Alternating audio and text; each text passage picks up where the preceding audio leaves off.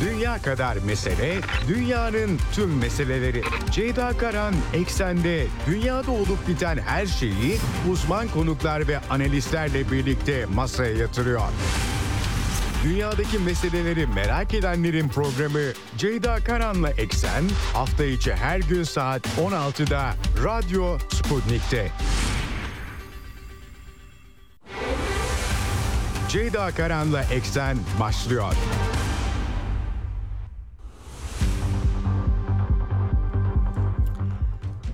Eksenden merhabalar efendim. Bugün 21 Aralık 2023 günlerden perşembe bir haftanın daha sonuna doğru geliyoruz. Yine yüklü bir gündem var bugün de Orta Doğu ve Ukrayna cephesinden e, pek çok gelişme aktaracağım size. Birleşmiş Milletler e, Güvenlik Konseyi Gazze konusunda yine toplanamadı, ertelendi ama can kaybı artıyor. Bir yandan takas görüşmeleri, yeni bir insani mola görüşmeleri var. Ateşkes çıkmasa da yalnız bu sefer Hamas tarafının talepleriyle taleplerde çıtayı biraz yükselttiği anlaşılıyor. Üst düzey bir takım isimlerin yıllardır İsrail hapishanelerinde bulunan isimlerin bırakılmasını talep ettiğini anlıyoruz. Kahire'ye gitmişti İsmail Haniye siyasi büro şefi e, oradan pek çok bilgi geliyor. Bir yandan İsrail ordusu Gazze'nin tamamını Gazze'nin kuzeyine benzetmeye e, açıkça benzetme kararlılığını sergiliyor. Netanyahu yönetimi de aynı şekilde insan hakları ihlalleriyle ilgili de notlar var maalesef. Diğer yandan da bölgesel çatışma riskleri Lübnan cephesiyle ilgili bir hareketlilik oldu son bir haftada ve diğer yandan da Kızıldeniz meselesi bu hafta ben özel olarak Kızıldeniz e, Süveyş geçişine odaklandım. Çünkü Yemenli Husiler çok kararlı gözüküyorlar. Amerikan yönetimi bir koalisyon oluşturdu. Özellikle de deniz ticaret rotası olarak bu rotanın kesilmesinin maliyetleri var. Dolayısıyla da potansiyel bir alan şimdiden Batı medyasında Husiler de kararlılıklarını devam ettiriyorlar bu arada. Dün akşam saatlerinde açıklamalar geldi. Deniz koalisyonu oluşturuluyor. Ne olacak e, Amerikan liderliğinde Yemen işgali mi gündeme gelecek soruları duruyor. Türkiye'de katılacak mı bu operasyona sorusu giderek daha da yükseliyor. Milli Savunma Bakanlığı'ndan açıklama var aktaracağım size bugün. Aynı zamanda bu konuyu emekli, emekli Amiral Türker Ertürk'e soracağız. Hem Orta Doğu genelindeki krizi soracağız, değerlendirmelerini alacağız. E, o Ukrayna cephesinde de hakikaten çok e, kritik gelişmeler var. Ee, Rusya Genelkurmay Başkanı Valeri Gerasimov'un e, yaba, e, ateş, ateşelere yabancı askeri ateşelere verdiği briefing var. Küresel değerlendirme Rusya'nın bakış açısından ortaya konuluyor.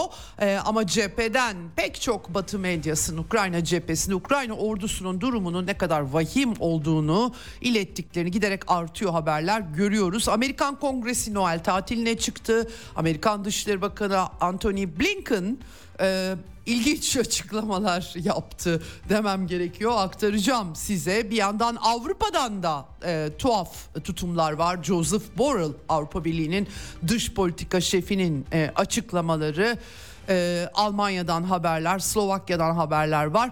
E, gerçekten dikkat çekici Polonya'dan, Sırbistan'dan pek çok haber var.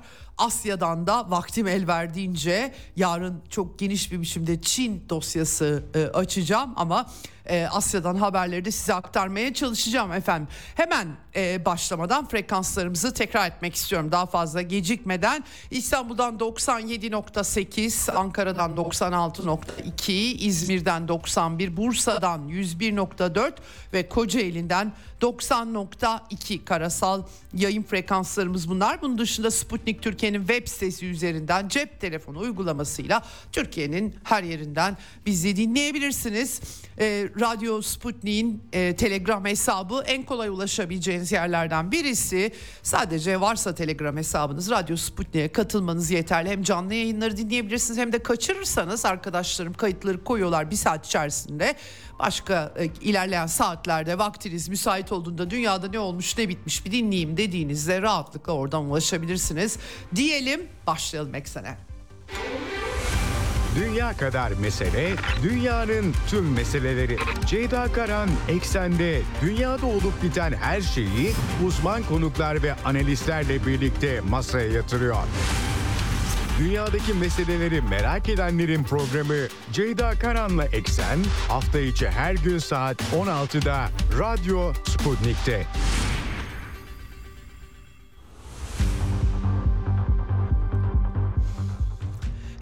Gazze şeridinde Gazze savaşı devam ediyor. Tüm hızıyla ve can kayıpları 20 bini artık aşmış durumda. Maalesef 20 bini aştık derken e, yaklaşık bunların 14 binden fazlası 15 bini kadın ve çocuklardan oluştuğu belirtiliyor Gazze'deki sağlık yetkililerinin verdiği rakamlar bunlar. İsrail bunların abartıldığını iddia ediyor. E, diğer yandan enkaz altında en az 6700 insanın bulunduğu iş makinesi yoksullu, yoksunluğundan bunların çıkartılamadığı söyleniyor. Dolayısıyla 20 bin e, onların saydığı ya da saydıklarını söyledikleri rakamlar. Bunların arasında sağlık çalışanları, sivil savunma görevlileri, 97 gazeteci, e, pek çok rakam sürekli yayınlanıyor. Tabii dünyanın ilgisini de canlı tutmak için hakikaten bu arada Gazze harabeye çevrilmiş vaziyette. BM Güvenlik Konseyi Üçüncü gününde de Gazze oturumu yapamadı yine ertelendi. Aslında bir yeni bir tasarı Birleşik Arap Emirlikleri öncülüğünde dönem başkanı Ekvador e, toplanması için çalışmıştı ama yine e, anlaşma sağlanmadı.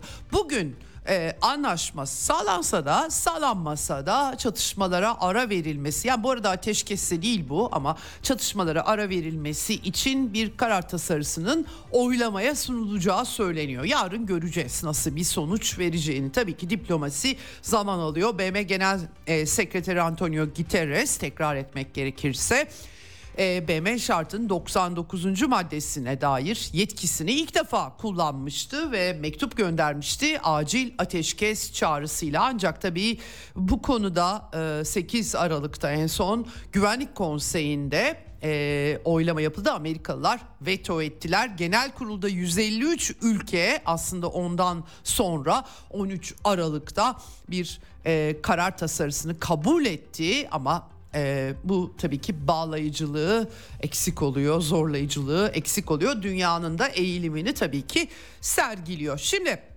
bir yandan ateşkes görüşmeleri, ateşkes derken insani mola demek lazım herhalde. Amerika Birleşik Devletleri, Mısır ve Katar öncülük ediyor. Yeniden başladı anlaşılıyor. Dün İsmail Haniye'nin Hamas'ın siyasi büro şefinin Kahire'ye gittiği anlaşılmıştı. Daha önce Doha odaklı istihbarat şeflerinin de bulunduğu görüşmeler olmuştu. Doha'daki görüşmelerden ziyade Kahire biraz şimdi öne çıkıyor gibi ama hani oradan oraya geçtiği bir yorum yapılabilir mi emin değilim doğrusu. Ee, ama Hamas e, taleplerini e, birinci elden Mısırlı yetkililere aktarmış gibi gözüküyor. E, hemen bu tabii ki İsrail e, basına da ve Batı medyasına da yansımış durumda. E, henüz bir sonuç yok çünkü Gazze'de Hamas'ın 7 Ekim baskınında rehin aldığı düzinelerce rehine e, sadece 81'i bir de yabancılar da vardı. Yaklaşık 100 kişi bırakılmıştı. 240 diye bir rakam vardı. Bunların bir kısmı hayatını yitirmişti İsrail bombardımanlarında öyle söylenmişti en azından. E, bunların bırakılması karşılığında iki haftalık bir ateşkes söz konusu olabilir deniliyor. E, Amerikan yönetiminden de ciddi müzakereler yürütüldüğü yolunda e, açıklamalar geldi. Bir yere varacağını umuyoruz dedi Beyaz Saray Stratejik İletişim Direktörü. Ama tabii İsrail medyasına bu sefer yansıyan pazarlık detayları ilginç doğrusunu söylemek gerekirse e, özellikle birden fazla İsrail medyasında yer alıyor Yedio Ahronot özellikle.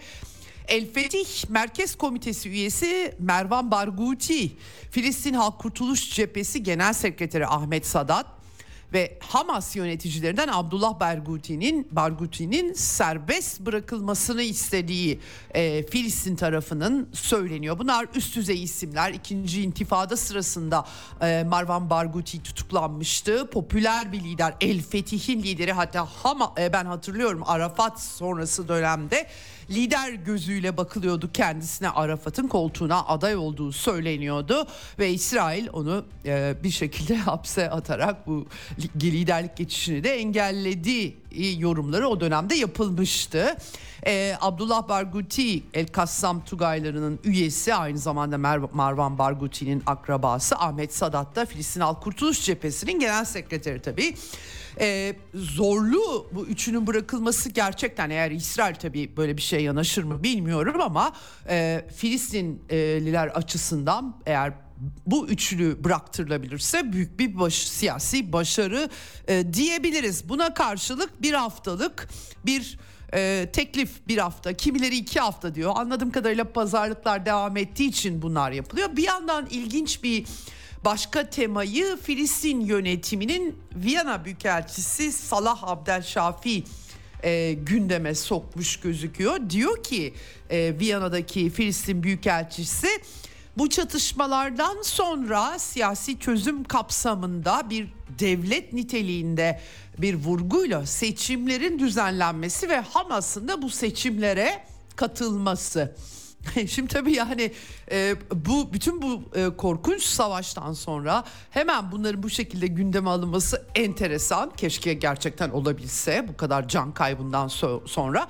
Ama İsrail yönetimi bilhassa Netanyahu'nun bütün politik e, mirası diyelim, bütün politik hedefi Filistinlere devlet kurdurmamak, var olan anlaşma süreçlerini de Oslo anlaşmaları, e, toprak karşılığı, güvenlik temelinde yükselen anlaşmaları zaten baltalamak üzerinden şekillenmişti. Eğer bu Gazze savaşı ki yani son 30 yılda böyle bir benzer bir şey yok açıkçası e, bu şekilde sona ererse siyasi açıdan bambaşka bir isimle karşı karşıya kalacağız demektir. Bilemiyoruz nasıl gelişeceğini ama ortaya atılan fikirler e, çatışmaların dindirilmesi kadar bu çatışmalardan sonra ortaya çıkacak manzara gerçekten enteresan olacak. Bir noktada bitmek zorunda savaş. Aksi takdirde e, bu arada Gazze yerle bir ediliyor. Bunu belirtmek gerekiyor. Son 24 saatte İsrail ordusunun açıklamasına göre 230 yere hava saldırısı yapılmış durumda. E, bombardımanlar kuzeyin yanı sıra Han Yunus'a da yansımış durumda. Bir de sosyal medyada İsrail ordusunun 2908. taburunun bölük komutanı Yair Ben David'in videoları dolaşıyor konuşmaları dolaşıyor. Yeri ve tarihi belli değil tabii ama e, öte yandan da içerik olarak baktığımızda e, Beit Hanun'da yapılanların her yerde yapılması görevimiz bitmedi diyor. Demek ki Beit Hanun'un e, Gazze'nin kuzey bölgelerinde yerle yeksan edilmesinden sonra bir vakte denk gelmiş olsa gerek örnek gösterdiğine göre. Ee, bir şekilde e, Lübnan'da Batı Şeria'da çevremizde oturup İsrail halkının onuruna zarar vermenin mümkün olduğunu düşünen bütün halklardan duyulan korkuya artık yeter. İlk kısmı bitirdik bu sadece başlangıç diye her yer her belde Beyt Hanun gibi olacak.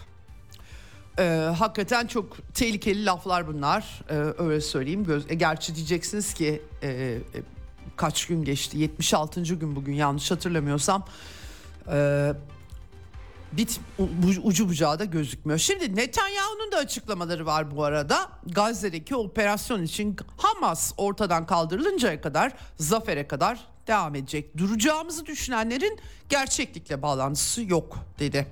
Bir yandan tabii takas görüşmeleri yürütülüyor ama bir yandan da verilen siyasi mesaj bu. Hamas'ın ortadan kaldırılması, rehinelerimizin bırakılması, Gazze tehdidinin ortadan kaldırılması yönünde belirlediğimiz tüm hedeflere diyor Netanyahu. Hamas'a cehennem ateşiyle saldırıyoruz. Sadece iki seçenekleri var. Teslim olmak ya da ölmek. Böyle de bir çerçeve çiziliyor. Ee, Birleşmiş Milletler'in İnsani İşler Koordinatörlüğü, Koordinasyon Ofisi e, bu arada e, AFP'nin haberi bu. Onlar duyurdular. E, İsrail ordusu Gazze'nin güney tarafında, güney kesimlerindeki Han Yunus orada da kara harekat başlatılmıştı. Tahliye talep etmiş oradan da. Şimdi tabii şimdi çok sıkıntılı bir e, durum var. Çünkü tahliye talep ettiği bölgeler Han Yunus'un belli alanları e, ve yaklaşık e, şehrin orta ve güney kısımlarını diyorlar. %20'sini kapsadığı belirtiliyor. Ki burada kuzeyi terk edenler oraya gitmek zorunda kalmıştı. 141 binden fazla yerinden edilmiş insan var. 32 kadar sığınma evi olduğu söyleniyor. Ee, İsrail tabii ilk başta güneye gidin orası güvenli demişti. Kuzeye operasyonlar yapıldı ama e, sonra da e, Han Yunus ve çevresine kadar iniliyor. Aslına bakarsanız arada bir takım açıklamalar yapılsa da tutarlı davranıyor İsrailler. Bütün Gazze şeridini dümdüz ediyorlar. Bu bağlamda baktığınız zaman yaptıkları maalesef bu. Şimdi Savunma Bakanı terörün yeni başkenti haline geldi Han Yunus diyor. Ee, bildiğiniz Gazze şeridinde etnik temizlik aslında yürütüldüğü rahatlıkla söylenebilir. Bütün bu temel izlek buna zaten işaret ediyor. Broşürler dağıtılmış Hamas liderleri hakkında bilgi verenlere ödüller e, vaat ediliyor. Yahya Sinvar askeri şef 400 bin dolar az aslında. Kardeşi için 300 bin dolar. Kassam Tugayları komutanları Rafia Salam ve Muhammed Eddeyf için 200 bin ve 100 bin dolar vaat edilmiş. Bilemiyorum işe yarayacak mı böyle şeyler. Ee, bir yandan da tabii insan hakları sıkıntısı, e, savaş suçları ile ilgili yeni iddialar var. Birleşmiş Milletler yine İnsan Hakları Yüksek Komiserliği'nin açıklaması bu. Kendilerine ulaştırılmış çünkü 19 Aralık'ta 20 ile 23 saatleri arasında El e, Gazze şehrinde El Remal mahallesinde e, Anan ailesi e, bu üç akraba aile oralar tabii e, çok e, nasıl diyeyim aşiretler bir arada yaşayan insanlar geniş aileler diyelim. E, Annan binası diye biliniyormuş bu. El Avda binası da deniyor. Burası kuşatılmış İsrail ordusu tarafından iddiaya göre. Euromet insan hakları gözlemcisi e, tanıklık ifadelerini paylaşmış. BM açıklamasını aktarıyorum size. İsrail ordusu erkekleri kadın ve çocuklardan ayırdı. Ardından çoğu 20'li yaşların sonunda ve 30'lu yaşlarının başında olan erkeklerden en az 11'ini aile üyelerinin önünde vurarak öldürdü diyor. Kadın ve çocuklara bir odaya girmelerini emrettiler. Onları ateş ettiler ve odaya bir el bombası atıldı. Aralarında bir bebek ve bir çocuğun da bulunduğu bazılarının ağır, ağır yaralandığı ifade ediliyor. E, cinayetlerin yani El Avda'daki e, cinayetler doğrulanmıştır. Koşulları ve ayrıntıları belirsiz diyor. Gerçekten çok çarpıcı. Ee, İsrail'den henüz bir izahat açıklama görmedim varsa eğer ama e, Tabi bu arada Uluslararası Ceza Mahkemesi'ne de çeşitli ithamlar iletildiği belirtiliyor. Bu da içlerinde var mı bilmiyorum. Savaş suçlarıyla ilgili kazan kaynıyor diyebiliriz açıkçası. Evet bu arada tabii Kassam Tugayları da çatışma ile ilgili kendi videolarını e, yayınlıyorlar. E, son 72 saatte 25 İsrail askerini öldürdükleri onlarcasını yaraladıklarını e, belirtiyorlar. Patlayıcılar, anti tank roketleri, anti personel mühimmatları bir tane video izledim. Kendi kurşunlarını nasıl yaptıklarıyla ilgili böyle tünel gibi bir yerde e, bayağı bildiğiniz bir takım cihazlar da var tabii ekipmanlar da var. E, onlarla kurşun üretiyorlar. E, bu arada tabii e, aynı zamanda çok sayıda İsrail içerisinde hedefe roket saldırıları alarmı da verildi. Yani kara harekatı Gazze'den atılan roketleri de durdurmuş gözükmüyor. E, ilginç tabii ki başka yerlerden de olabilir. E, hakikaten kızışmış bir halde çatışma. Tabii bunun e, İsrail'in güneyine etkileri Eylat kenti Yemenli Husiler açıkça kararlılık sergiliyorlar. İsrail limanlarına giden gemileri önlemeye başladılar. Bütün de dünya deniz ticaretinin bu bölgeden geçen rotasını değiştirdiler. Bu çatışmanın sürprizi Ensarullah hareketi yani Yemenli Husiler oldu. İsrail Savunma Bakanı Yoav Galant'ın bu konuda açıklaması var. Ee, Eylat kentini tabii hedef alıyorlar aynı zamanda gemileri de.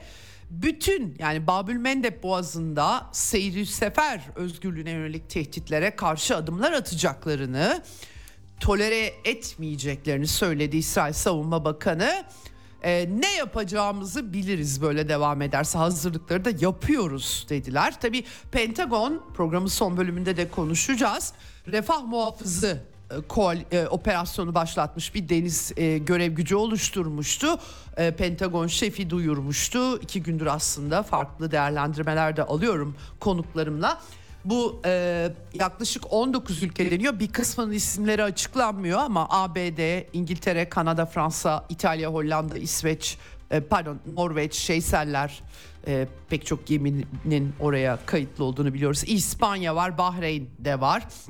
Manama merkezli olması bekleniyordu. Yunanistan açıklama yaptı. Denizcilikte önde gelen bir ülke tabii Yunanistan. Milli Savunma Bakanı Nikos Dendias bir fırkateyn gönderildiğini Kızıldeniz'e duyurdu. Ee, bu refah e, muhafızlı muhafızı operasyonuna katkı sunacaklarını söyledi. Ticari gemilere silahlı gruplar, İHA'lar ve füzelerle düzenlenen saldırıların küresel ekonomi ve vatandaşların refahı için büyük tehdit oluşturduğunu dolayısıyla e, Başbakan Mitsotakis'in talimatıyla Yunan donanmasına ait bir fırkateynin operasyona katılması talimatı verdiğini duyurdu. Almanya da bu arada değerlendiriyor çok uluslu bu misyona katılıp katılmamayı Christian Wagner Dışişleri Sözcüsü bu konuda açıklama yapmış. Aynı şekilde Stefan e, Haberstreit e, açıklama yapmış. Lojistik seçeneklerine baktıklarını söylemiş. Yani belki doğrudan gemi göndermemek ama lojistik destek vermek misyona yasal çerçeve bir de tabii Alman yasaları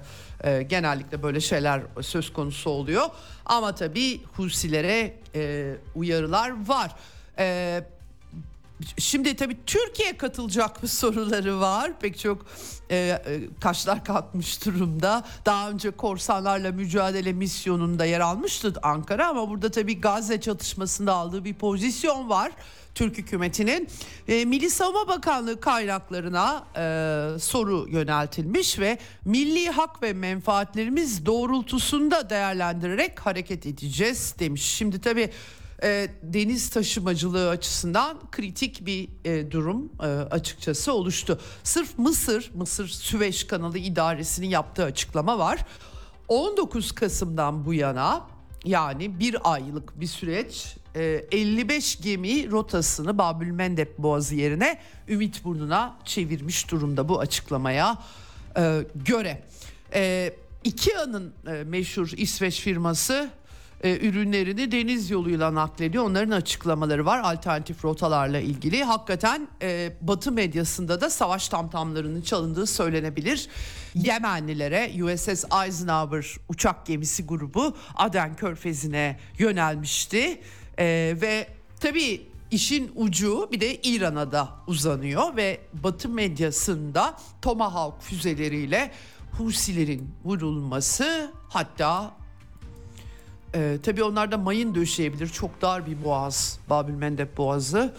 Ee, ne yapacaklar yani Yemen işgal mi edilecek diye bir soru öne çıkıyor ama gerçekten bu hani e, önemli bir kriz. Çin bu arada e, İsrail kargo gemilerinin yardım taleplerine uymayı reddettiği içinin haberleri var. Bunu aktarmıştım size. E, dün akşam e, Husilerin Ensarullah lideri Abdülmalik El Husi televizyon konuşması yaptı. Çok e, uzun bir konuşma.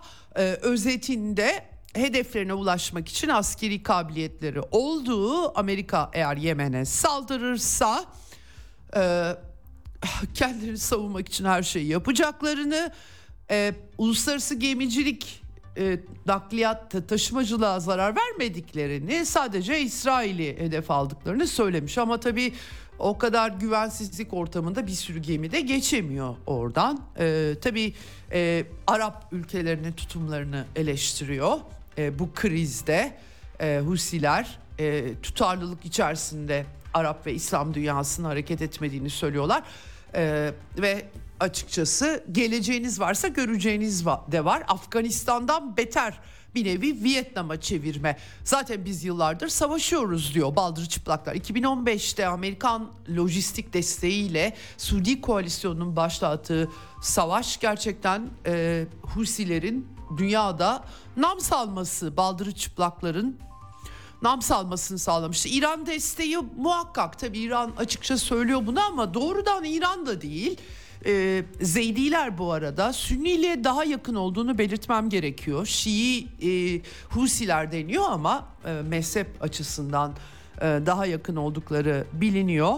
E, yani o ayrımlara ben çok hakim değilim tabii ki dini ayrımlara ama velhasıl e, hakikaten e, sıkıntılı bir resim var. Bu arada Ensarullah Hareketi Gazze için savaşçı seferberliği de başlatmış durumda. Videolarını da izledim. Akın akın insanlar, gençler Ee, başka bir hayat da bilmiyorlar. Yani o kadar uzun süre Yemen'de daha önce tabii çok kısa bir dönem 2000'lerin başından itibaren Kuzey Güney Yemen'in birleşmesinden sonra göreceli bir sulh sağlanmış olsa bile savaşa çok alışkın bir halk ve e, 2015'ten beri, beri de e, bileğini bükemedi Birleşik Arap Emirlikleri ve e, Suudi Arabistan Amerika'dan aldıkları büyük desteğe rağmen e, e, salgın hastalıklara rağmen gerçekten inanılır gibi değil. Dolayısıyla bu kriz nereye gidecek diye insan e, endişelenmiyor değil. Batı medyasında da eğer Husilerin hakkından gelinemezse İran'a da bu işin uzatılması vurguları yapılıyor. Eh, İran Hürmüz Boğazı'nı kapatırsa alın size kocaman bir dünyaya e, bir başka e, kızışan çatışma alanı. Bilemiyorum bu kadar çok cephede ne olacak dünyanın sonu ben de kaygıyla açıkçası takip ediyorum bütün bu olup bitenleri. Ama hiç parlak bir durum olmadığını belirtmek gerekiyor. Programın son bölümünde ayrıca ne olabilir sorusunda konuşacağız Türker Ertürk'le. Evet şimdi e, Cumhurbaşkanı bu arada Mısır Cumhurbaşkanı yeni seçildi. Tekrardan El Sisi ile telefon görüşmesi yapmış. Hem Gazze meselesi hem Türkiye-Mısır ilişkileri hem tebrik için hatta Sırbistan Cumhurbaşkanı Alexander Vučić ile de görüşmüş durumda. Türk diplomasisi de çalışıyor ama tabii gördüğünüz gibi Kızıldeniz meselesi bir sorun. Ee, Rusya'nın Acil Durumlar Bakanlığı'nın tekrar Gazze'ye 18 bin ton uçağı Mısır'a ulaştırıldı. Sergey Lavrov bu arada Rusya'nın da Arap dünyasına dair diplomasisi etkin. Rus-Arap İşbirliği Forumu'nun dün Marrakeş toplantısı olmuş. E, 4 yıl sonra anladığım kadarıyla. ilginç mesajlar vermiş Sergey Lavrov. E, aslında dış güçlerin Filistin-İsrail ihtilafının tırmanışını çıkarları doğrultusunda kullanmaya çalıştıklarını Sergey Lavrov dile getirmiş ve Amerika ve müttefiklerinin son 20 yılda Orta Doğu'da başlattığı ve sonucu yıkım olan savaşlarına sayısız macerasına atıf yapmış ve bir başka bölgesel çatışmayı kızıştırmaktan çekinmediklerini söylemiş. Kendilerinin ise diplomatik düzleme taşıyarak siyasi çözüm arayışında olduğunu söylemiş. Amerikalıların Filistin devleti kurulmasını engelleme temelli girişimler yaptıklarını bir takım gizli projeleri olduğunu dile getirmiş. Yani Netanyahu çizgisiyle hemen hemen zaten her ne kadar söylemde iki devletli çözüm vurgulansa da yani bunun biraz lafta olduğunu düşünenler çoğunluktadır Amerikan e, söylemi bakımından. Tabii Güvenlik Konseyi'nde ateşkes için kendilerini bütün dünyanın çabaladığı ama Amerika'ya bütün bunların takıldığını da dile getirmiş. Evet bu arada Türkiye'nin de Milli Savunma Bakanlığı açıklaması var. Irak'ın kuzeyinde Gara, Hakur, Kandil bölgelerine hava harekatı 14 hedefin imha edildiği 51. maddeye atıf yapılarak BM anlaşmasının son e, Orta Doğu'dan böyle bilgiler de var. Evet Şimdi biraz e, Ukrayna çatışması ve küres, küresel diğer gündemden başlıklarım var. Bu da önemli. Ee, Ukrayna ordusunun tüm cephelerde bir çekilme halinde olduğu bilgileri geliyor. Her ne kadar Zelenski son dönemde savunmaya geçme açıklamasını da yapmış olsa da Amerikalı da bir komutan görevlendiler. Ag- Aguto ismini de hep yanlış söylüyorum ama Aguto'ydu yan- yanlış hatırlamıyorsam. Ee, savunma nerede nasıl kurulacak? Ee, yeni seferberlik tartışmaları devam ederken tüm cephelerde bir geri çekilme hali olduğu anlaşılıyor. Kuzeyde Kupyansk, Krasny Liman, Donetsk cephesi, Güney hattı, Zaporojye, Herson, Herson bölgesinde neredeyse iki ay oldu bir Krinki bölgesinde bir köprü başı elde ettikleri Batı medyasında işlenmişti ama çok kısa sürede o köprü başı bir cehenneme dönüştü Ukrayna ordusu için. Saat Rusya e, bu arada son derece sakin hareket edip müdahale de etmeyip geldikçe vurmak, geldikçe yedekler aktıkça vurmak stratejisi Telegram kanallarından e, okuduklarımdan süzerek söylüyorum size. Sonunda artık Krinki Ukrayna medyasına da eleştirilmeye niye gönderiyoruz oraya asker diye bir köprü başı olmaktan da çıkmış vaziyette. O artık bir faciaya dönüşmüş ve operasyonun sonuna geldiği e, e, belirtiliyor. Aynı şekilde e, Çasofyar, Konstantinovka batıda Kramatorsk rotasına hedef almış durumda Rusya güçleri. Tabi böyle hemen alan kazanma şeklinde değil açıkçası Ukrayna yedeklerini tüketerek bir e, e, aktif savunma adı veriliyor buna devam ediyor. Bugün Genelkurmay Başkanı Rusya'nın Gerasimov'un e, yabancı askeri ateşelere bir briefingi var. 2023 faaliyetleriyle ilgili ilgi çekici doğrusunu söylemek gerekirse bu e, koşullarda askeri ve siyasi durumun e, büyük değişimlerden geçmekte olduğu tespitini e, yapmış kendisi e, çok kutuplu yeni bir dünya oluşuyor. Amerika ve müttefiklerinin hegemonyası geçmişte kalıyor demiş. Ukrayna meselesini sürüncemede bırakmaya çalıştıklarını işte 2022'den bu yana işte eğitimler vesaire çatışmayı uzatmaya yönelik bir çizgi izlendiğini e, ve e, pek çok tabii ki e, bu yıl başlarında oluşan işte tank koalisyonu vesaire bunları verilen silah ve mühimmatın sayısını e, sıralamış ama Amerikan politikalarının aynı zamanda Orta Doğu'da yarattığı çıkmazlara Filistin-İsrail çatışmasıyla atıf yapmış sorumsuz politika Orta Doğu'da yeni bir tırmanışa yol açtı. Uzun süredir e, devam eden bir çatışmaydı ama belirsizliğe gidiyor. E, NATO'nun genişleme politikasını anmış her yıl 40 tatbikat düzenliyor. Yani çevreleme Rusya'yı, çevreleme politikaları, Bal- Balkanlar, Transkafkasya, Orta Asya, Afganistan sıcak noktalara, Kuzey Kutbu'ndaki varlığı arttırma, özellikle İskandinav ülkelerinde Amerikalıların üstlendiğini ne dair haberler, anlaşmalar yapılıyor. Bunları tespit etmiş. Bu Kuzey Deniz Yolu sularında seyri sefer ve doğal kaynakların araştırılması, çıkarılması e, projelerinin uygulanması dahil olmak üzere e, e, bununla alakalı yani tabii ki bu sadece bir askeri adım değil. Halbuki kuzey rotasında e, tabii orası Rusya'nın en e, yetki sahibi oldu. En geniş alan Rusya'ya ait tabii ki. Dolayısıyla geçiş kuralları falan bunlar daha çok tartışılacak ilerleyen dönemde.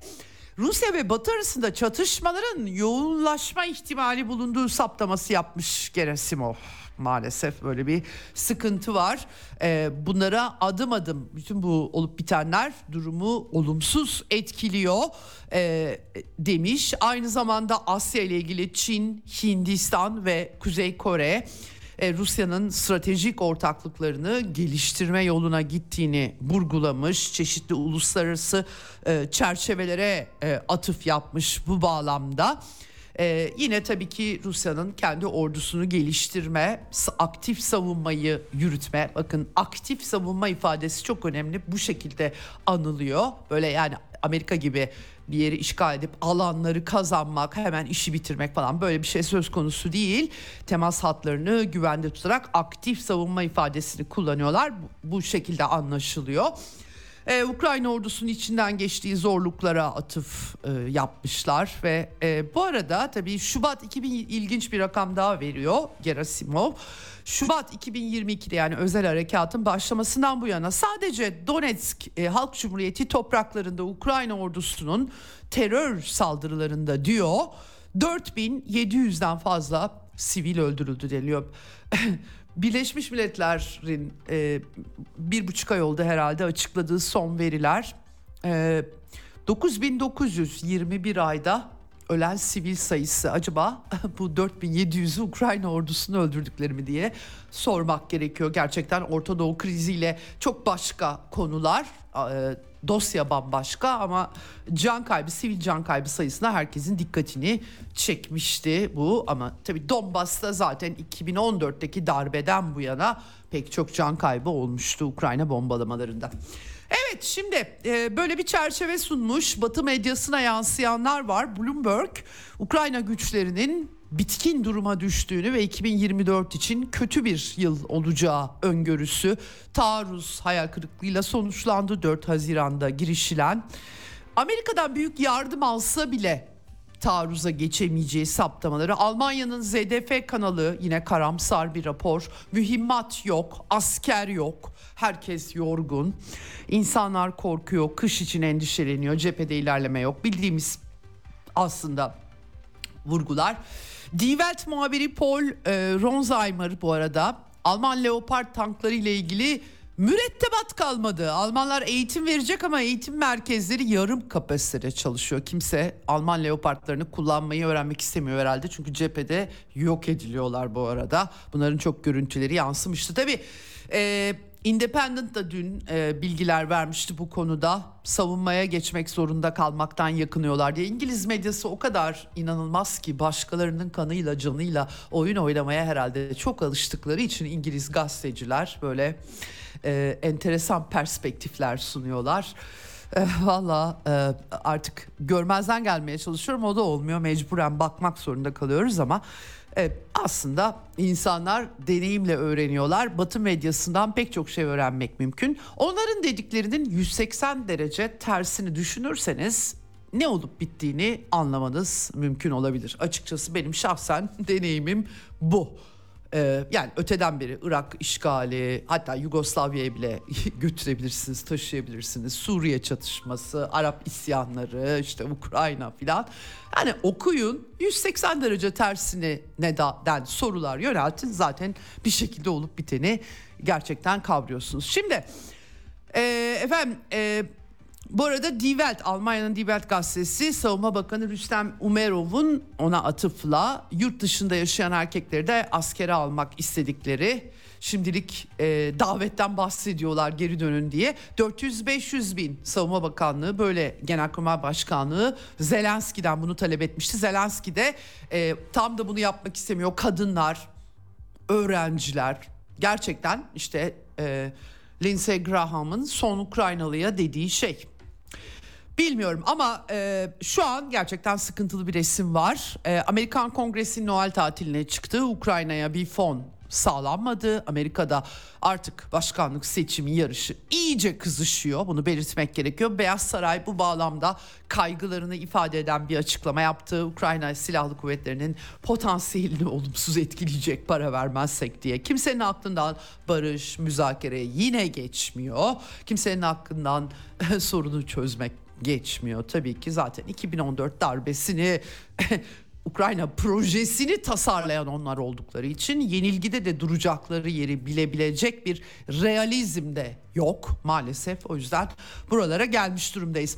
Tabii her şeyi bu aynı zamanda artık e, senatodaki demokratların çoğunluk lideri Chuck Schumer bütün bunlar niye oluyor sorusuna Cumhuriyetçi Parti içerisinde devasa bir siyasi güç olarak Donald Trump var. Yani her türlü belanın anlatı Trump'a ayarlanması. Amerikan politikaları alakası yok. Biden yönetimi ve demokratlar şahane politikalar uyguladılar. Ama işte Trump. Şimdi benim anlamadığım şu. Geçen sene 110 milyar dolardan fazla para verildi Ukrayna e, projesine. Şimdi onun yarısı kadar bir para ne işe yarayacak? O işe yaramadı bu ne işe yarayacak sorusunu kimse sormuyor mu? Tabii ki yönetimdekiler sormuyor ama cumhuriyetçiler soruyorlar efendim açıkçası. Ee, e, bu bu konuda e, tabii e, tek e, Amerikalı senatör en son e, James Vance X hesabından Ukrayna'daki savaşın temel sorunu yetersiz fon veya yetersiz silah değil. Rusya'yı 1991 sınırlarına geri itebileceği Batı'nın kibirli fikriydi. 18 yıl önce de hayaldi. Bugün de hayal tek soru demiş. Barışı savunmaya başlamadan önce Ukrayna'ya daha ne kadar yıkım getireceğiz? Evet yani somut olarak durumu aslına bakarsanız söylemiş durumda. Buradan ne çıkacak bilmiyorum ama tabii Amerika başkanlık seçimleri artık kızışıyor. Ben dün aktarmıştım size Colorado Yüksek Mahkemesi Trump'ı 6 Ocak kongre baskını gerekçesiyle isyana e, katılan e, kişi olarak seçilme hakkını elinden alma kararı almıştı. Temize başvuracak Trump yönetimi, Trump e, ekibi ama e, New York Times gazetesinden öğreniyoruz ki Amerika'da 16 eyalette en az Trump'ı ön seçime sokmamak için davalar açılıyor arka arkaya. Bu Amerikan siyasetini çok derinden etkileyecek bir gelişme gerçekten. Zaten tabii ki bir süredir liberal demokrasi öyle bir patladı ki Avrupa'da görüyoruz. Yani onların istediği gibi değilseniz yani demokrasiden anladıkları o. O zaman karşı tarafı eleştirecek bir şeyleri kalmıyor burada. Çünkü aynı şeyi onlar yapıyorlarsa o zaman öyle bir liberal siyasi özgürlükler falan yok demektir. Onların istedikleri Avrupa Birliği en son bu arada sosyal medya e, X'i e, yasaklayacaklar neredeyse kurallarına uyulmazsa. E, birazcık kaşıdığınız zaman şey görüyorsunuz alternatif medya yani aslında size bolca yalan boca eden ana akım liberal medya o kadar itibarsızlaştı o kadar söyledikleri yalan dolan çıktı ki o kadar öngörüleri patladı ki millet tabii ki batılı ben ben de dış haberci olarak her yere bakıyorum ama alternatif kaynaklara da bakıyorum. Herkes de o alternatif kaynaklara bakıyor. Avrupa Birliği ise neyi yasaklamaya çalışıyor? Alternatif kaynakları. Bir tek kendi anlatılarını istiyorlar. Ee, e, buradan bir ifade özgürlüğü, düşünce özgürlüğü çıkmaz. O zaman şöyle diyelim karşılarındakileri neyle suçluyorlarsa işte faşizmle şunda bunda kendileri de zaten aynısını yapıyor demektir. Bunu yapıyorlar bir de bunun üstüne Amerika'da tabii seçimlerde Trump'ın ayağını siyasi e, bir kararla kaydırdıklarında bunun bedelleri muhakkak olacaktır diye ben şahsen naçizane düşünüyorum. E, bir takım anlatılarla bunu yapabilirler. Ben bu arada Trump'ın politikalarından hoşlanan bir insan olmadığımın altını çizeyim ama bu oyunu böyle oynadıklarında e, karşılaşacakları sorunları da hiç hesaba e, katmıyorlar. Daha büyük bir Trump'ın da Trump üssü Trump başka birileriyle Amerikan siyaseti karşı karşıya da kalabilir. Neyse e, ne halleri varsa görsünler diyebiliriz. Bizim bu bölgede derdimiz kendimize sayelerinde yetiyor. Efendim Anthony Blinken bu arada Amerikan Dışişleri Bakanı Neocon Bakan e, açıklama yaptı. E, enteresan e, cümleleri var. Ukrayna'nın kalkınması için çok net planları varmış. Nasıl oluyor? Hangi Ukrayna gibi sorular sormamışlar gördüğüm kadarıyla. E, şu anda zaten diyor ki biz aslında bu yardımların çoğu kendimize gidiyor. bu da utanılmadan söyleniyor artık. Yani Amerikan savunma sanayini bu sayede geliştiriyoruz diyorlar. Ee, ama e, ayırdığımız yardım ve fonlar e, azalıyor. İhtiyacımız tükenmek üzere. E, ek bütçe talebinin aciliyeti var. Ya yani bu lafı bakın anlatı nasıl kuruluyor aslında ona çok iyi bir örnek. Ukrayna'nın geleceğine, özgürlüğüne falan yani neyin özgürlüğü diyeceksiniz. E, bütün şirketlerini, kamu varlıklarını satma özgürlüğü tabii. Amerikan dünyası neoliberal bir dünya. Herkes bunu çok sosyal demokrat falan zannediyor. Değil. Kimsenin itirazı yok bunlara. Anlatamıyoruz Türkiye'de. Herkes bakıp özeniyor ama her şeyin taşeron olduğu, her şeyin özelleştirilmiş olduğu bir dünya ve özgürlükten kastettikleri de bu zaten. Kendi modelleri. Neyse konuya dönelim. Eee ayakta kalmakta kalmayacağı Ukrayna'nın aynı zamanda ilerleyeceği bir konumda olması, askeri, ekonomik, demokratik olarak, olarak yeniden ayak, ayağa kalkmasını sağlayacak çok net bir planımız var. Ee, bu düzeyde bir desteğe yardıma ihtiyacı olmayacak. Kışı baharı yazı atlatmasına yardım etmeliyiz. Kendi ayakları üzerinde durabileceğini garanti ettiğimiz plan var. Efendim bu da mevcut seviyedeki yardıma gerek kalmayacağı anlamına geliyor. Ya para vermemenin yolunu mu yapıyor diye doğal olarak herkes e, soruyor. E, hakikaten e, Amerikan parası olmadan yaşamayı banderacılar nasıl öğrenecek bilmiyorum. İbretlik sözler %90'ı zaten verdiğimiz paraların kendimize gidiyor. E, Rusya, Putin takıntısı var ya Putin çoktan kaybetti çünkü Ukrayna'yı yeryüzünden silmek ve Rusya'ya katılma olan ana hedefine ulaşamadı demiş. Oraları bilemiyoruz henüz, henüz açıkçası Galicia mı kalacak? Belki e, Anthony Blinken'ın bütün bu arzu ettiği sonuçlar Galicia için uygulanabilir olabilir. Rusya'nın pek ilgilenmediğini anlıyorum ben açıklamalarından Galicia ile. Zaten bir de Macaristan, Romanya ve Polonya'yı ilgilendiren e, bölgelerde e, var. Göreceğiz tabii bunlar algı farklılığı. Herkes kendi açısından yaklaşıyor. Ha bir de Anthony Blinken tabii Çin ile güçlü bir pozisyondan ilişki kurmaya devam edeceğiz. Nasıl olur Amerikan güçlü olamaz Çin karşısında. Zayıf olamayız falan böyle öyle Amerikalılar üstünler. Onlar yönetmek için dünyaya gelmişler ve nasıl olur da Çinliler Amerikalılara meydan okur. Güçlü bir pozisyondan ilişki kuracaklar. Gerçekten şahane. Evet e, efendim e, şimdi tabii Ocak ayında belki de kongreden bir para çıkması beklenebilir. E, e, rahatlıkla beklenebilir. Muhtemelen Cumhuriyetçiler bir noktada bir takım paralar verecek ama bu neyi değiştirecek onu bilmiyoruz açıkçası. E, Financial Times'a bir yetkili öyle bir cümleler kurmuş ki yani bunu dondurma muhabbetleri mi bilemiyorum. Bir yandan bunu da tartıştıklarını anlıyorum.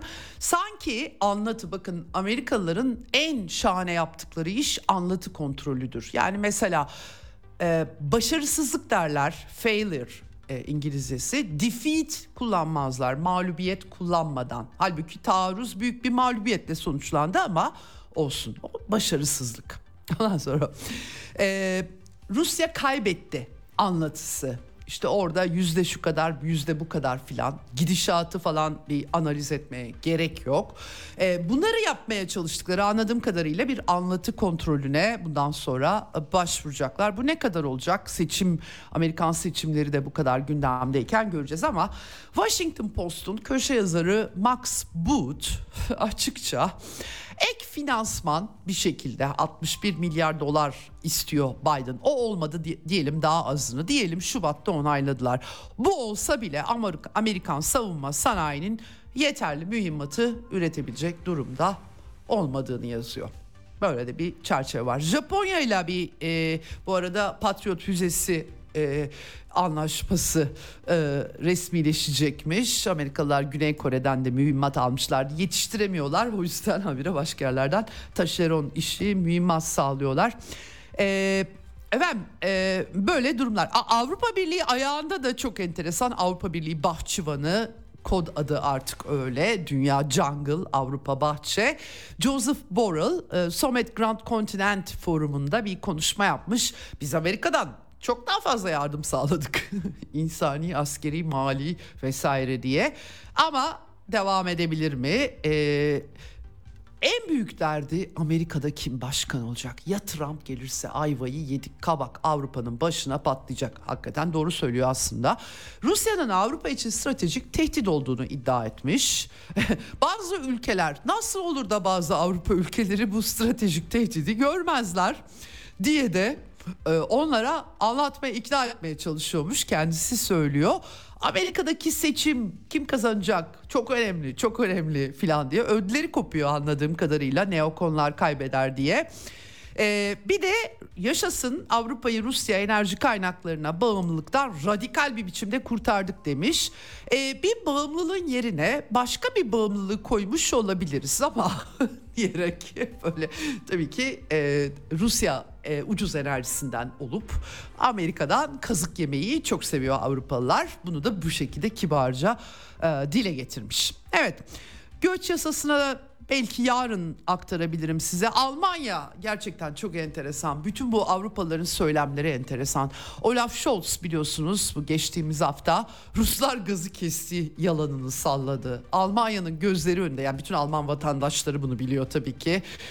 Rus gazından kurtulacağız diye o onca yaptırım savaşı, ekonomik savaşı sanki babam açmış gibi. Rusya Ruslar gazı kesti onun için enerji sorunu yaşıyoruz. Almanya'da üretim düşüyor efendim. Çünkü enerji kullanımı kullanımı da düşüyor. Çok pahalı. Ee, aslında bu krizde e, ben e, dünyaca ünlü enerji uzmanlarımızla konuşmuştum.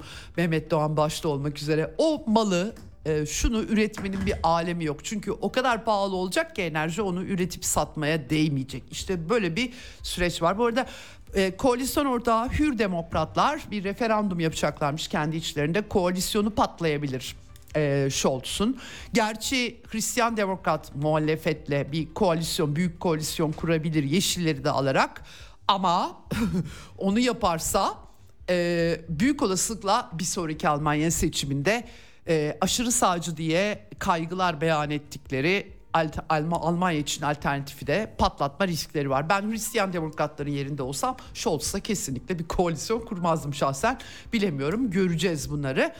Ee, Almanya'da e, 2023 yılı tüketiminde enerji tüketiminde tarihi bir düşüş e, tespit edilmiş. Önceki yıla oranla %7.9 oranında. Almanya bir sanayi ülkesi bunun altını çizmek gerekiyor. Her şeye de yansıyacak. Slovakya Başbakanı Robert Fico tutarlı bir adam olduğunu ispatlamakla meşgul. Avrupa'da o sosyal demokrat bir isim daha önce de liderlik etmişti. Üstelik Avrupa karşıtı birisi de değil ama e, Rusya ile bu işler böyle yürütülemez bu gerçekçi değil dediği için aşırı sağcılıkla da itham edilmişti. Enteresan böyle. Ee, Ukrayna'ya insani yardım gönderecekleri enerji ihtiyaçları falan var ama bunları öyle rastgele değil adrese teslim yollayacaklarını söyledi. Çünkü nereye gittiğini bilmiyoruz. Kara borsada satıp satıp duruyor bunlar diye e, dile getirdi. Yerleri tespit edeceklermiş, göndereceklermiş. Ayrıca da NATO'ya katılımı veto ederim kardeşim ben diyor Robert Fico. Üçüncü Dünya Savaşı'nın başlaması anlamına gelir. Deli misiniz siz demeye getiriyor. Ee, Genel sekreteriyle görüşmemde bunu dile getirdim. Sürpriz olmaması için e, partim adına da hükümette e, hakim parti konuşuyorum. E, kabul etmeyeceğimizi açıkça söylüyorum. Yani yok böyle bir şey. Veto hakkımı kullanacağım demiş. Bu kadar basit. Ayrıca e, kimi Doğu Avrupa aşırı sağcı Doğu Avrupa ülkelerinde yapıldığı gibi Rusya gayri e, varlıklarını dondurmak gibi planları olmadığını dile getirmiş. Evet şimdi tabii e, nükleer santral için Rus yakıtı bu arada almaya da devam edeceklerini Dışişleri Bakanı dile getirmiş Slovakya'nın böyle bir durum var. Polonya'da işler kızışıyor. İktidar değişti. Donald Tusk liberal isim banderacı liberal Donald Tusk e, göreve geldi. Gelir gelmez Hukuk Adalet Partisi orada. Onlar da muhafazakar kanat. Yani Polonya'da böyle hani e, insanlığın hayallerini süsleyen bir siyasi parti bulunabilir mi? Çok emin değilim. Doğrusu söylemek gerekirse malum Soğuk Savaş'ta Amerika'nın en çok el attığı sık koyu e, e, Katolik ülkelerden birisi Polonya. E, bir e, devlet televizyonu kapışması, görüntüler çok acayip. E, devlet televizyonunda artık haber yayınlanmıyormuş, film veriyorlarmış paso. Ben görmedim ama e, e, Telegram kanallarında haberler var bu konuda. E, devlet televizyonunun üst kadrosunu kovmuş Tusk. Herhalde liberal isimleri iktidara e, göreve getirecek. Tabii bu normal iktidara gelince bir takım e, ekiplerde değişiklik yaparsınız. Ama biliyorsunuz liberal anlatı e, böyle şeyler yapanları solculukla suçlar. Onlar herkese her görüşe açık ifade özgürlüğü, çeşitlilik falan dedikleri için aslına bakarsanız özetle aynı şeyi yapıyorlar. Burada da e, muhafazakarları görevden alıp tak tepelerine liberalleri atıyorlar. E, böyle bir durum. O bize 20 yıldır sundukları şeylerin aslında altı çürük onu anlatmaya çalışıyorum. Yoksa muhafazakarlarla hiçbir e, bir sempatim olmadığını Polonya'nın belirteyim. Ee, Sırbistan'da da e, hakikaten e, AB'ciler e, Milošević'in devrilmesinden sonraki e, Avrupa e, küreselcilerle bağlantılı olanlar seçimlerle ilgili bu arada yolsuzluk iddialarının somutlanamadığını anlıyorum. Hatta kimi bu e, küreselleşme NGO çalışanı gençlerde pek bir şey bulunamadığını söylemişler ama protestolar devam ediyor. Kim destekliyor diye sorarsanız CNN'in bölgesel kanalı M1 TV halkı kitlesi olarak sokaklara çıkmaya çağırıyormuş. Evet yani e, bu temel ez, izleyin biraz vakti geçti gibime geliyor benim ama bilemiyorum pek de faydası olmadı hiçbir ülkede tabii bu arada onda e, belirtmek e, gerekiyor. Evet e, ben size aktarmıştım Financial Times ABD'li bürokratlar e, bloke edilen Rusya varlıklarını Dünya Bankası Avrupa İmar ve Kalkınma Bankası üzerinden hırsızlık yapıp üzerine çökerek başka türlü ifadelendirmek mümkün değil. Ee, Kiev'deki faşist banderacılara nasıl olur da kapitalist mülkiyet e, kavramını atlayıp da yaparız derdine düşmüş e, diye Financial Times'ın haberi. Bunun için çok güzel anlatı kurguluyorlar ya gerçekten inanılır gibi değil. Ee, efendim uluslararası hukukun izin verdiği bir karşı önlem olarak hangi uluslararası hukuk? Ben e, çözemiyorum. E, Rusya'nın eylemlerinden zarar gören çok e, devletler tarafından atılması halinde bu ada e, böyle bir adımın e, efendim e, e, bu şekilde bir e, bir çeşit avans tazminatlar için. Vallahi gram para mı Avrupalılara ya da Amerikalılara emanet? Ama diyeceksiniz hepimiz bağlıyız mali sisteme. Bütün banka işlemlerimiz Amerika'dan kontrol ediliyor. Mali kapitalizm böyle bir şey.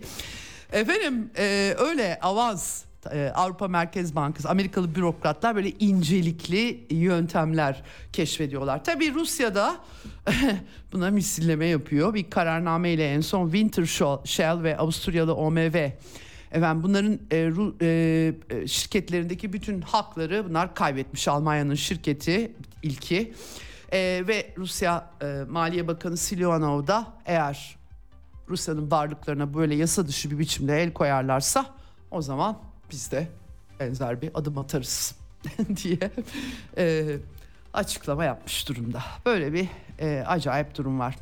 Evet e, artık vaktim doluyor. New York Times'ın e, Çin e, sıkıntısını aktaramadım size ama yarın aktarırım. Şimdi kısa bir tanıtım hemen Türker Ertürk'le buradayız efendim.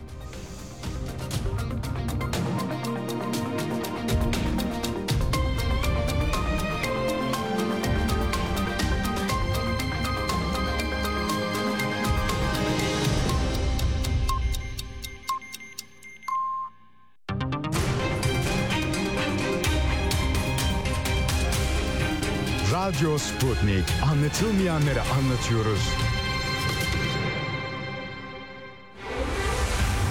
Ceyda Karan'la Eksen devam ediyor. Evet Eksen'in son bölümündeyiz. Telefon hattımızın diğer ucunda emekli amiral Türker Ertürk var. Hoş geldiniz Türker Bey yayınımıza. Hoş bulduk. İyi yayınlar diliyorum Ceyda Hanım. Çok teşekkür ediyorum. Katıldığınız için bir, bir ayı buldu bir ay önce yine bir bölgesel değerlendirme yapmıştık. Çok önemli noktalara da vurgu yapmıştınız Türker Bey. Şimdi tabii ben bu hafta mecburen çünkü e, ucunu bucağını görmekte zorlandığımız bir takım gelişmelerle karşı karşıyayız. E, yine tabii başımızın derdi Orta Doğu İsrail Filistin gerilimi bir türlü teskin edilemiyor. Fakat iş yayılıyor. Gerek Lübnan hattı hareketli karşılıklı bir takım e, resler çekilip duruyor. Nereye varacak bilmiyoruz. Ama asıl bütün dünya ticaretinin geçtiği Kızıldeniz Süveyş hattı.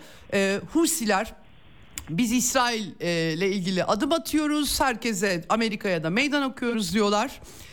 E, Amerikalılar bir uluslararası güç kurdu. Yemen'i işgal mi edecekler, vuracaklar mı ne olacak belli değil. Bu arada deniz ticareti hakikaten Mısırlılar en son bir e, Süveyş Kanalı İdaresi e, on, bir ay son bir ayda 55 gemi Ümit burnunu dolaştı diye e, açıklama yapmış vaziyette.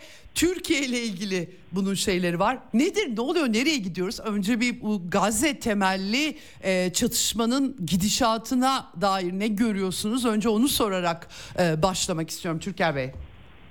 Ceyda Hanım daha önce konuştuğumuzda da iyi şeyler konuşmadık. Bakıyorum şimdi gelişmelere daha da kötüye gidiyoruz.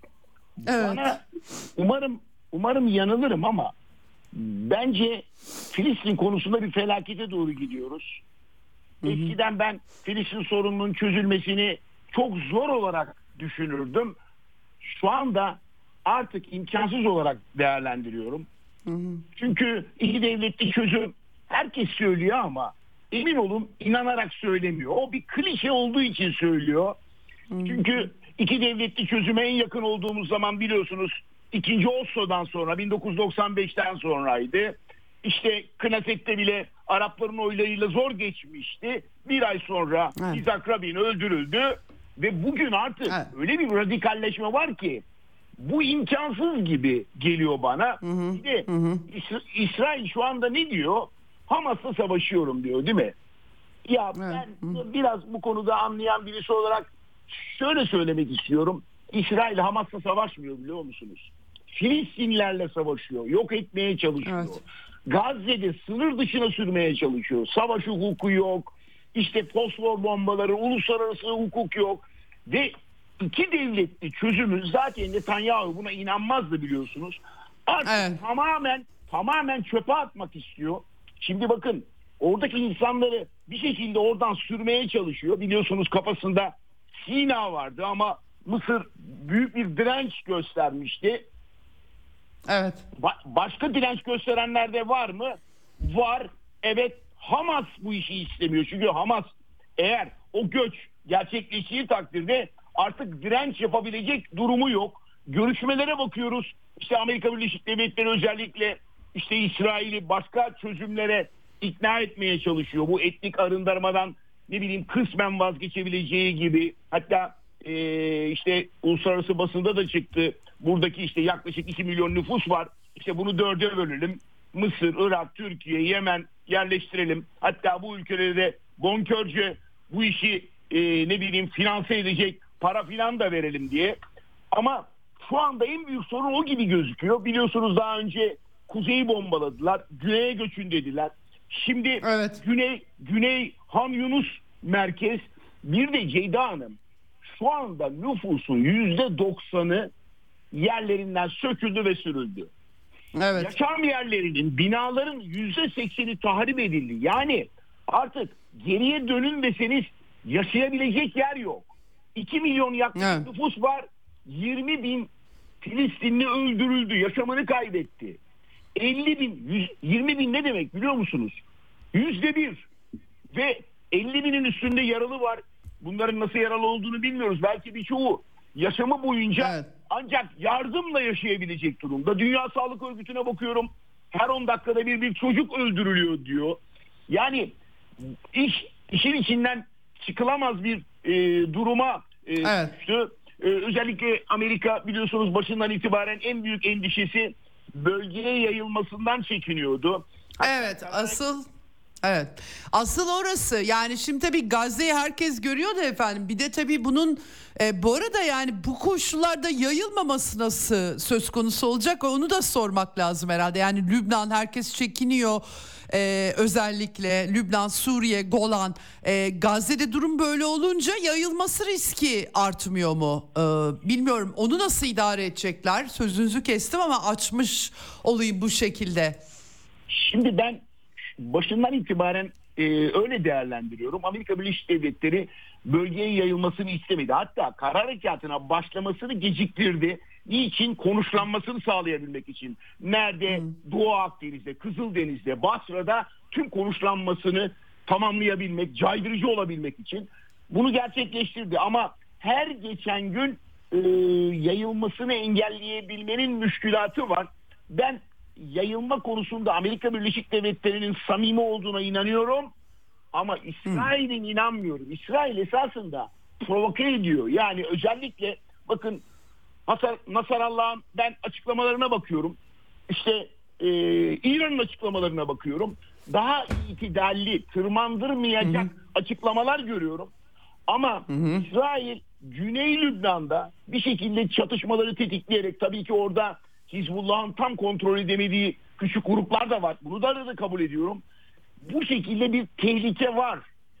Yani burada provokasyonun İsrail'den geldiğine inanıyorum. Bir de biliyorsunuz hani bölgede bölgede ABD'ye karşı bir direniş ekseni var.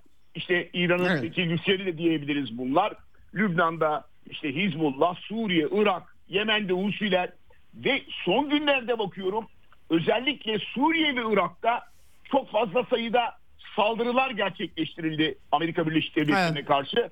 Bunun da esasında yayılma konusunda e, olumsuz emareler verdiğini düşünüyorum. Evet siz başlangıçta ifade ettiğiniz Kızıldeniz'deki gelişmeler, Husilerin Evet. durumu, Yemen'in durumu, Evet asıl şapkadan çıkan e, tavşan o olmadı mı efendim? Biraz sürpriz oldu. Husiler dün akşam bir televizyon konuşması da çıktı. Yani Vietnam'a çevirir sizin için diyorlar. Afganistan eğer Yemen'e saldırırsanız Afganistan bunun yanında çekirdek nohut kalır demeye çalışıyor.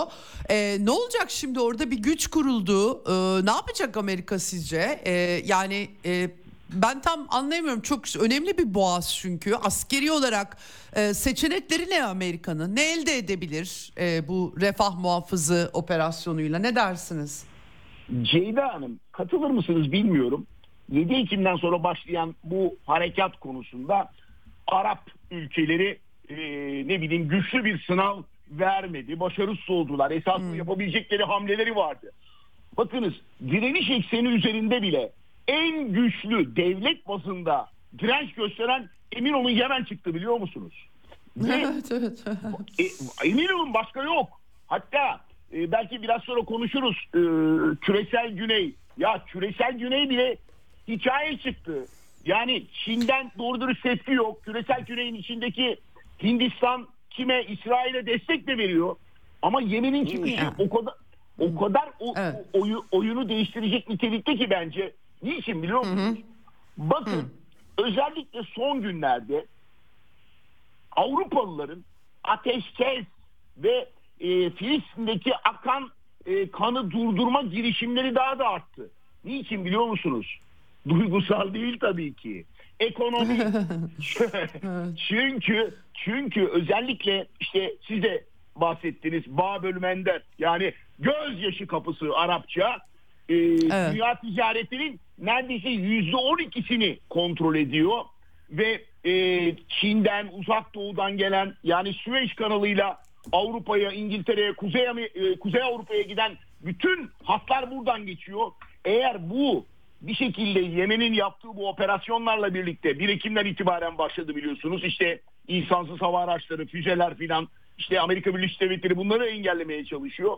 Bu artış petrol fiyatlarına ve diğer fiyatlara çok olumsuz tesirler yapıyor. LNG fiyatlarının da aynı şekilde.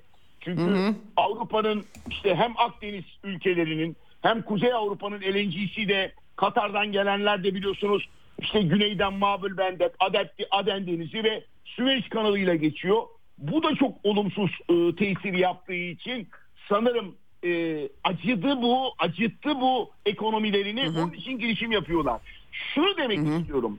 Arap ülkeleri gerçekten o Riyad'da ne bileyim 1978 gibi çünkü şartlar 1973'ten daha olumlu veya ne bileyim evet. e, tek e, Amerika Birleşik Devletleri'ne karşı cephe alabilmek açısından daha güçlü bir direnç noktası var. Yani eğer petrolü bir ne bileyim silah olarak kullanmayı, gazı bir silah olarak kullanmayı akıllarına getirebilseydiler ya da akıllarına belki geldi ama bu gücü, hı hı. bu bu mücadele gücünü kendilerine görebilseydiler emin olun bu savaşın akışı bu noktalara bile belki gelmezdi. Evet e, hmm. Amerika Birleşik Devletleri biliyorsunuz orada bir çok uluslu güç kurmak istiyor. Bir anlamda daha evet. önce işte Somali korsanları o ama burada durum bir farklı. Yani burada karşınızda e, büyük bir güç var. E, buna karşı işte Amerika Birleşik Devletleri işte e, Ekim ayının başından beri akıllı mühimmatlar kullanıyor. Şimdi insanlar e, bunu bilmeyebilir. İşte ne bileyim bir e, şeye atmak için e, durdurmak için ne bileyim SM-2 silahı kullanıyor. E, satıhtan havaya güdümlü mermi kullanıyor. Bunların yaklaşık maliyetleri bir buçuk ile dört buçuk beş milyon dolar. Yani Amerika Birleşik Devletleri'nin çok uluslu gücü kurmasının arkasında bu da yatıyor. Yani bir şekilde bu mücadelenin ne derler e, maliyetini bölüştürebilmek. Hani burden sharing derler e, Avrupalılar veya Amerikalılar buna benziyor. Yani e, Yemen, Kızıldeniz'i bir şekilde kapattığını ifade ediyor. Ama ben şunu da ifade etmek isterim e, Ceyda Hanım. Sanki bu Yemen'in, bu Husilerin e, bu girişiminin arkasında bir üst akıl var gibi geliyor bana. E, her ne kadar İran Husilerin bunu tek başına yaptığını, hareket ettiğini söylüyor. Ama aynı zamanda da işte buna karşı e, destek vermenin de Siyonizme verilen destek olduğunu ifade etmeye çalışıyor. Ama yine de bu işin arkasında bir İran aklının e, olabildiğini düşünüyorum. Çünkü bir şekilde biliyorsunuz bakın Brent ham petrol fiyatları arttı. Neredeyse yüzde sekiz arttı. Evet. E, yani evet. bu bu e, Avrupa ekonomisini, Batı ekonomisini çok ciddi biçimde e, etkileyebilecek bir hamle. Bunu bilmeden bu girişimi e, ne bileyim herhangi orada Husilerin tek başına bu işe karar verdiklerini e, düşünmek bana... Onların kaybedecekleri pek bir şey yok gibi sanki e, aslına bakarsanız e, Türker Bey. Yani adamlar 2015'ten bu yana bir Suudi koalisyonu ki Amerika destekli Buna karşı savaşıyorlar. Aslında hani Yemen'in tarihine falan da baktığımız zaman görece bir sulh dönemi birleşmeden sonra onun da ayrı tartışmaları var ama yani çok savaşa alışkınlar. Şimdi e, ben şunu merak ediyor, ediyorum. E, bu e, yüksek maliyetli füzelerle 2-3 bin dolarlık e, İHA'ları vurdular diyelim. Tomahawk'ları kullandılar diyelim. E, ama e, karada konuşlu ne kadarını şey yapacaklar? Yani burada ne olacak? E, işgal mi edecekler Yemen'i? İşgale mi kalkışacaklar? Nasıl bir şey öngörebiliriz burada? Yani bunun ayrıca yankıları ne olur? E, askeri anlamda da soruyorum. E, o bölgenin hassaslığı düşünülürse. Yani bir operasyon yapmanın da bedelleri yok mu? Açıkçası hani 3-5 İHA düşürüp hani boğazın önünü tuttunuz İHA'ları düşürdünüz diyelim. E, ama e, nereye kadar düşüreceksiniz filan. Yani e, algılamakta zorluk çekiyorum açıkçası. Anlamaya çalışıyorum daha doğrusu. Etkili yani, bakımından. Ceyda Hanım ister istemez bu e, uluslararası gücün e, Yemen'e karşı bir taarruzi harekata ben bunu bu safhada bir kara harekatı bir amfibi harekat şeklinde değil de ne bileyim bir e, hava harekatının da olabileceğini değerlendiriyorum. Tabii ki Amerika Birleşik Devletleri bunun e, ne bileyim bir bölgesel savaşı tetikleyebileceğini de düşündüğünden daha bir uluslararası güçle birlikte hareket etmek istiyor ki o safhaya Evet. geçtiğinde daha ne bileyim e, destek bulabilmek açısından ama Mısır, Suudi Arabistan tehlikenin farkında bu işe girmediler. Bahreyn girdi bir tek Arap ülkesi ama Bahreyn'i de şöyle düşünün. Merkez komutanlığının deniz Zaten orada. Zaten, zaten orada yani Bahreyn Manama'da, evet. E, aynen yani. E, onun Evet. için e, bir de bir de e, buraya Hindistan da biliyorsunuz e, özellikle Babül Mendebe nereden e, uzak e, Asya'dan Pasifik'ten yaklaşırken Aden Körfezi açıklarında da işte iki muhriple birlikte bu konuya destek vereceğini ifade etti. İşin garibi bakın demin e, eleştirmiştim e, küresel güney hiçbir şey yapmıyor diye. Sadece işte diplomatik girişimler yapıyor, destek oluyor. gi- Bunlar doğru. Ama ne bileyim dur diyebilir değil mi? Doğu Akdeniz'e Çin de kuvvet gönderebilir. Amerika Birleşik Devletleri hesaplarını daha dikkatli yapar adımlarını atardı. Böyle bir şeye girmedi. Sessiz kaldı. Bakın yine bu kriz esasında Süveyş kanalı en çok etkilenen ülkelerden bir tanesi Pekin. Bakın en Evet. çok ülke- Evet. Pekin yine bu konuda sessiz kalıyor biliyor musunuz? Ve hatta işte Avrupalı sigorta şirketlerinin talepleri yüzünden işte özellikle e, bu e, kargo gemileri, e, konteyner gemilerinin filan trafiğini Ümit burnundan e, intikal ettirmeye çalışıyorlar. E, bu da yaklaşık e, en az 10 günlük bir süre e, Evet. navlun fiyatları, ekonomiye tesiri. Ama bakıyorum Çin'den en ufak bir ses çıkmıyor. Sanıyorum Çin e, mümkün olduğunca sessiz ve derinden gitmek istiyor. Ama Evet. Çin, Çin, Çin ve küresel güney gerçekten kendini daha çok göstermiş olsa dünya siyasetinde bir şeyler yapıyor olsaydı bence kan bu kadar dökülmezdi e, gibi geliyor Ceyda Hanım. Yani diplomaside adım atmaya çalışıyorlar tabii. Ayrıca galiba Suudi ve Birleşik Arap Emirlikleri yetkilileri Pekin'e gitmiş. Sanki orada arka planda bir takım hamleler var ama somut sonuçlarını dediğim, dediğiniz gibi henüz görmüş de e, değiliz. Haklısınız. Fakat peki buradan e, bir de Türkiye ayağı var. Hemen onu da sormak zorundayım. Çünkü bizi de ilgilendiriyor. Türkiye'de de çok e, önemli bir gündem olduğu her ne kadar hükümetin e, İsrail'e çok sert çıkışları var. Takipçisi olacaklarını da söylüyor Cumhurbaşkanı. Mutlaka da olurlar. Hani oradan bir şüphe de duymuyoruz ama öte yandan geçmiş krizlerden farklı olarak bu sefer daha e, İsrail'le ilişkileri, ticari ilişkileri kesmeme e, kararı alındığı anlaşılıyor. Tabii bu içinde bulunduğumuz feci ekonomik durumla da alakalıdır mutlaka. E, ama bir yandan da tanker trafiği tartışılıyor ve e, Türkiye'yi de son tahlilde ilgilendiriyor aslına bakarsanız bütün bunlar. Şimdi Milli Savunma Bakanlığı'na bir soru yöneltilmiş ve Savunma Bakanlığı milli hak ve menfaatlerimiz doğrultusunda değerlendirerek hareket edeceğiz diye bir açıklama yapmış. NATO'nun da attığı imzalar var anladığım kadarıyla buna. Türkiye'nin vetosu yok. Ne yapar Ankara e, bu e, daha önce Somali e, harekatına korsan deniz korsanlığına karşı katılmıştı.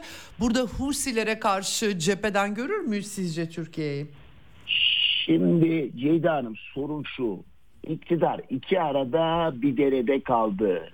Yani sakal bıyık mevzu. Bir de şunu, şunun altını çizip öyle devam etmek istiyorum. İflas etmiş bir ekonomine sahip bir ülkede siyasi iktidar o ülkenin saygınlığını, çıkarlarını ve güvenliğini koruyamaz.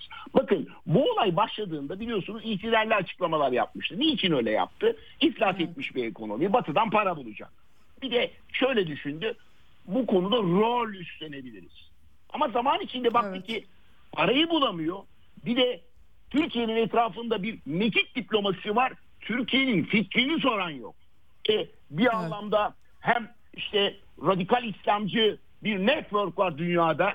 Oraya mesaj verebilmek. Hem kendi çekirdek e, çelik çekirdeğine bir mesaj verebilmek için başladı iktidar e, işte e, üst perde perdeden konuşmaya. Ama onun pratikte hiçbir geçerliği yok biliyor musunuz? Yani Evet.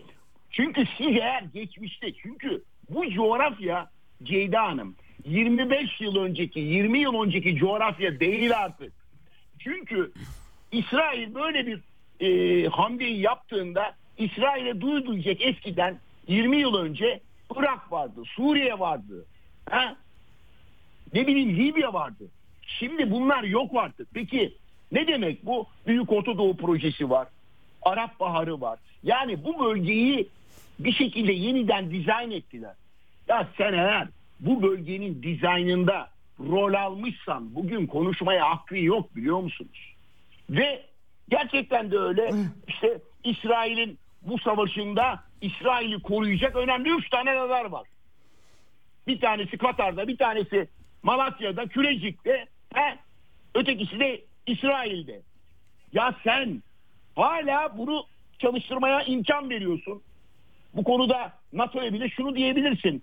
Ben İsrail konusunda farklı bir değerlendirmem var. Ben halkıma hesap vermek durumundayım. Artık artık İncirlik'teki uçuşları yasaklıyorum diyebiliyor musun? Daha da kötüsü ya. Türkiye Türkiye'den çelik, Türkiye'den petrol, Türkiye'den çimento nereye gidiyor? İsrail'e gidiyor. Ya Irak petrolünün hatta öyle şöyle diyelim otonom Kürdistan bölgesinin petrolünü sen taşıyorsun. Bakü Tiflis Ceyhan'dan İskenderun'dan şeye petrolü sen taşıyorsun. Ya böyle ikircikli ne dediği belli olmayan ama ne yapmaya çalışıyorlar? Halkı kandırmaya çalışıyorlar. Kitleleri kandırmaya çalışıyorlar. Esasında yani o en başta söylediğim sözü söylemek istiyorum. Türkiye'nin ekonomisi iflas etmiş vaziyette. Böyle bir ekonomiye sahip bir ülkenin ne saygınlığı korunabilir ne çıkarları ne de bir anlamda güvenliği korunabilir. Bir de Türk dış politikasına bakıyorum. Kurumsal değil, ilkesel değil, şahsi, devlet aklı yok. Bir ikide bir bakın geçmişe, ikide bir sağdan sola, kuzeyden güneye savrulan, ne dediği belli olmayan. Bir de ya konuşabilmek için hazinende paran olması lazım. Hani Napolyon'un bile biliyorsunuz savaş için ne diyor? Para, para, para. Para para Ya para. Senin, evet. senin, senin kasanda paran yok biliyorsun. Bir de öyle hedefler ortaya koymaya çalışıyorsun ki ne karşılığında bu hedeflerin arkasını doldurabilecek gücün yok. Yani Türkiye bu siyasetiyle bir anlamda e, gerçekten iflas etmiş durumda. E, bakın e, daha önce ne, de- ne demişlerdi? Garantör olmak, arabulucu olmak, kolaylaştırıcı olmak. Türkiye esasında bu coğrafyada bu rolleri oynayabilecek en iyi ülkeydi. Niçin? Çünkü hem Müslümanlarla hem İsrail'le arası iyi olan bir ülke. 400 yıl o coğrafyayı yönetmiş. Ama Evet. işte Cumhuriyeti kuran o kadronun bıraktığı bazı ilkeler vardı. İşte bir tanesi de neydi? Arapların kendi arasındaki itilaflara taraf olma. Taraf olarak biz kolaylaştırıcı olma şansımızı kaybettik. Garantör olma şansımızı kaybettik. Ya bizim fikrimizi bile soran yok biliyor musunuz? Şimdi iktidar burada bağırıp çağırıyor. E peki Riyad'da biliyorsunuz ne dediler? E, Hamas'ı yok saydılar. Filistin örgütüne deferans yaptılar. İtiraz edebildin mi? Orada ne bileyim şer koyabildin mi? Yani iktidarın ikircikli, dışarıda boyun büken, ellerini bağlayan, para isteyen ama içeride hani e, Ceyda Hanım küçükken biliriz bazı şeyler vardır. E, çocuklar e, evde annesine babasına zulüm yapar. Dışarıda süt dökmüş kedi gibidir. Gerçekten Türkiye'nin vallahi böyle Türkiye'nin ne yazık ki siyaseti bu durumda ya. Dış politikası Evet. bu durumda. Peki. Çok teşekkür ediyorum değerlendirme için. Hakikaten büyük bir düğüm. Hem e, dünyadaki geliştirmeleri biraz kestirebilmek için orada tam olarak ne olacağına bakmamız gerekiyor.